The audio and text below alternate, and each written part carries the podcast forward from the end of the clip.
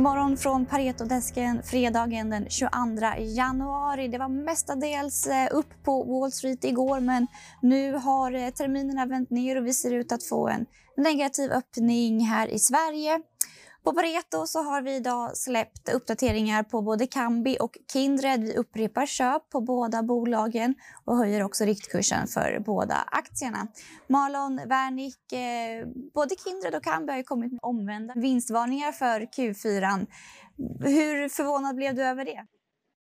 Eh, nej, men att Q4 skulle vara starkt, eh, det, det, det, såg vi komma. Eh, december var en väldigt stark månad enligt vår eh, tracker både aktivitetsmässigt och, eh, och sportboksmarginalen. Men det skulle vara så starkt förvånar oss lite. Eh, Kindred går väldigt starkt både på inom kasino och, eh, och sport. Eh, och fått ett väldigt starkt avslut här under december som sagt i aktivitets och, eh, och fördelaktigt sportboksresultat. Så siffrorna var ju lite dopade av, eh, av bra resultat på, på sportsidan. men ja, väldigt starka siffror från, från både Kambi och Kindred här för, för Q4. Mm, om vi går in mer på Kambi då, hur går, eh, det för, hur går det för dem i USA och hur går legaliseringen av sportsbetting i USA generellt? men USA går ju riktigt bra just nu. Eh, det, det är ju inte bara rekord i liksom, volym månad efter månad, det är också delstat efter delstat som börjar prata om att legalisera sportsbettingen. Eh, vi har ju New York inte minst här var ute och, och pratade om att legalisera online sportsbettingen. Och jag menar, det är 6% av US population, topp tre rikaste delstaterna i, i USA. Eh, det skulle addera runt en tredjedel på, på dagens online eh, sportsbettingbas sportsbetting-bas i, i USA. Sen har vi eh, Michigan, går live idag med online sportsbetting. Vi har Virginia snart, vi har Missouri, Connecticut, Massachusetts, Maryland, Lucia. Alltså det, det, det, det, och så vidare. Och så vidare. Det, är otroligt mycket som håller på att legaliseras och pratar om legalisering. Så vi menar ju att både 21 och 22 som vi sagt innan kommer vara stora legalisering och lanseringsår av, av online sportsbetting i, i USA. Och, och, och där i det racet är ju Kambi med Eh, fullt ut. Eh, Kambi är ju liksom, som vi ser nummer ett eh, på, på USA-sidan eh, och kommer fortsätta vara i, i toppen. Så, så, eh, så, väldigt stark datapunkt från, från, eh, från USA senaste tiden. Mm, om vi pratar lite risker och lite kontraktstapp då. De har ju tappat DraftKings. Hur, hur kommer DraftKings agera i USA närmsta tiden tror du? Ja, men som du säger så kommer ju DraftKings försvinna eh, från Kambi eh, efter Q3 2021. Eh, och, och, där har det ju varit en, en, fråga lite, hur kommer DraftKings göra de här nya delstaterna som går live här i närtid? Till exempel Michigan. Eh, det vi tror det är att DraftKings kommer ha någon sorts short term agreement med Kambi i dessa delstater. För deras, eh, deras sportbok är inte up and running än, eh, SBTech. Eh, så, så, vi tror att de kommer köra lite mer short term agreements med Kambi i dessa delstater och, och, och, sen får vi se då. Eh, sen kommer de då ja, läm, lämna Kambi siffrorna från, från eh, ja, Q4 21 och framåt. Um, det man kan nämna är att trots att, att DraftKings försvinner ur siffrorna, eh, också 888 försvinner, man tar bort DraftKings 88 från siffrorna, så ser vi fortsatt en tillväxt på underliggande nästan 30 year on year 2022 mot 2021. Så underliggande finns tillväxten är fortsatt väldigt stark i, eh, i Kambi, vilket eh, ja, vi gillar. Då, då. Mm, och du, eh, kontraktstapp är ju en risk i Kambi och du har ju länge sagt att den här risken är lägre i USA än vad den är i Europa. Hur ser du på risken för kontraktstapp i USA? Ja, men precis. Just för att allting legaliseras just nu och allting går live i USA och man måste vara med från dag ett som operatör Eh, så ser vi risken att eh, liksom, gå ifrån Kambi som lägre i USA eh, den närmsta tiden. Eh, man har ofta inte know-howen, man har inte kapitalet, man har inte tiden att bygga något inhouse eller förvärva och ha det inhouse. Eh, och, och, och, då är Kambi en väldigt smidig och, och snabb lösning där borta. Däremot kontraktsappen i Europa, det är ju lite mer eh, mogen marknad.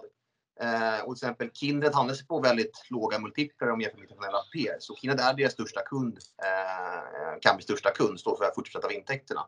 Så det är väl mm. kanske snarare något sånt kontraktsnapp som skulle vara en, liksom, en risk för Kambi-caset då. då. Eh, och, och, då skulle då Kindred eventuellt kunna lämna Kambi eh, som leverantör. Så, så det, det, ja, vi ser ju en högre risk helt enkelt eh, på, på, kontrakten utanför Europa, eh, eller utanför Amerika då, eh, och kanske lite latin, utanför Latinamerika eh, och, och, tappa där eh, relativt, relativt risken att tappa kunder i, i Amerika eller Latinamerika. Mm, och där kommer vi in på Kindred också, så jag tänker att vi eh, går över till Kindred. Och, eh, du höjer estimaten för intäkterna, Marlon, men lämnar kostnadsbasen nästan till oförändrad. Eh, varför det? Ja, nej men som sagt, vi, vi höjer eh, både kasino och sportintäkterna eh, eh, för 21 och 22. Eh, vi ser en hög, eh, eh ny hög eh, kasinobas här i och med covid-19 som påskyndat eh, skiftet från offline till online. Även en väldigt hög aktivitetsnivå på, på sportsidan eh, som vi, vi tar med oss in i 21 och 22. Eh, däremot så, så ser vi att de får väldigt bra return på deras marketing. Eh, vi räknar inte med att marketing spend kommer öka eller kommer vara i samma andel av revenue going forward. Däremot kommer den öka i absoluta tal. Så det är inte så att de drar ner på marketing, det gör de inte. Det är snarare andelen av revenue som, som kommer ner. Och då, då rullar det igenom väldigt fint från topplan ner på bottom line på, på, på, eh, på ebitda då, då som att vi, vi höjer eh, väsentligt då, då eh, estimaten för, för bottom line för, för, för, för Kindred 21 och 22. Um, så, så det, det är egentligen att OPEX lämnar vi nästan till oförändrat medan vi drar upp uh, revenue så, som gör att det, det, vi får den här effekten. Och, och som sagt, vi har ju tagit till 183 kronor per aktie på, på Kindred då, då upprepar köp. Mm, och du var inne på uppköp och eh, marknaden är ju eh, det sker ju en konsolidering av marknaden. Tror du då att Kindred kan vara en eh, rimlig uppköpskandidat? Jag tror det. Jag menar, vi, vi har pratat om det länge, att multiplarna här i, i Norden är betydligt lägre än utanför Norden. Om jämför till exempel borta, handlas i USA så är det väldigt höga multiplar. Och, och Kindred var på konsensus tror jag är en evb 13 jämfört med William Hill på 21 konsensus faktiskt. Eh, 27 tror jag det är så, så det, det, är en skillnad i multiplarna och, och, vi ser ju att den här multipeldifferensen eh, kommer att minska. Och, och, det gör ju att, att Kindred skulle vara en uppköpskandidat eh, om man vill komma åt den europeiska marknaden så att säga.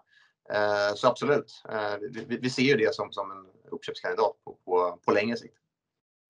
Och om Kindred blir uppköpt, är det då det är risken för att eh, Kambi tappar Kindred som kund? Är det den risken du ser då?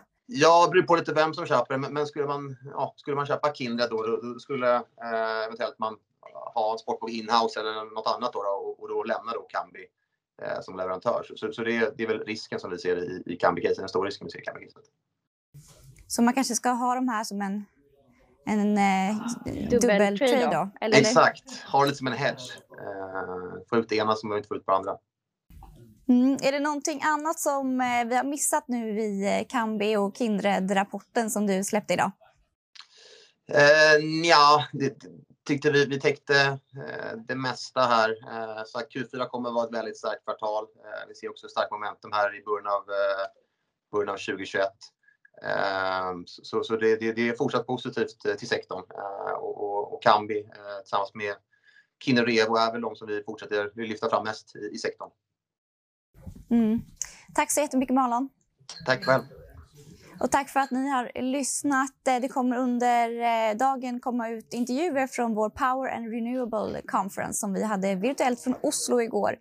Där har vi några riktiga raketer som jag har intervjuat. Så in på paretosek.se för att eh, ta del av de intervjuerna. Och sen tycker jag att ni ska ha en riktigt trevlig helg.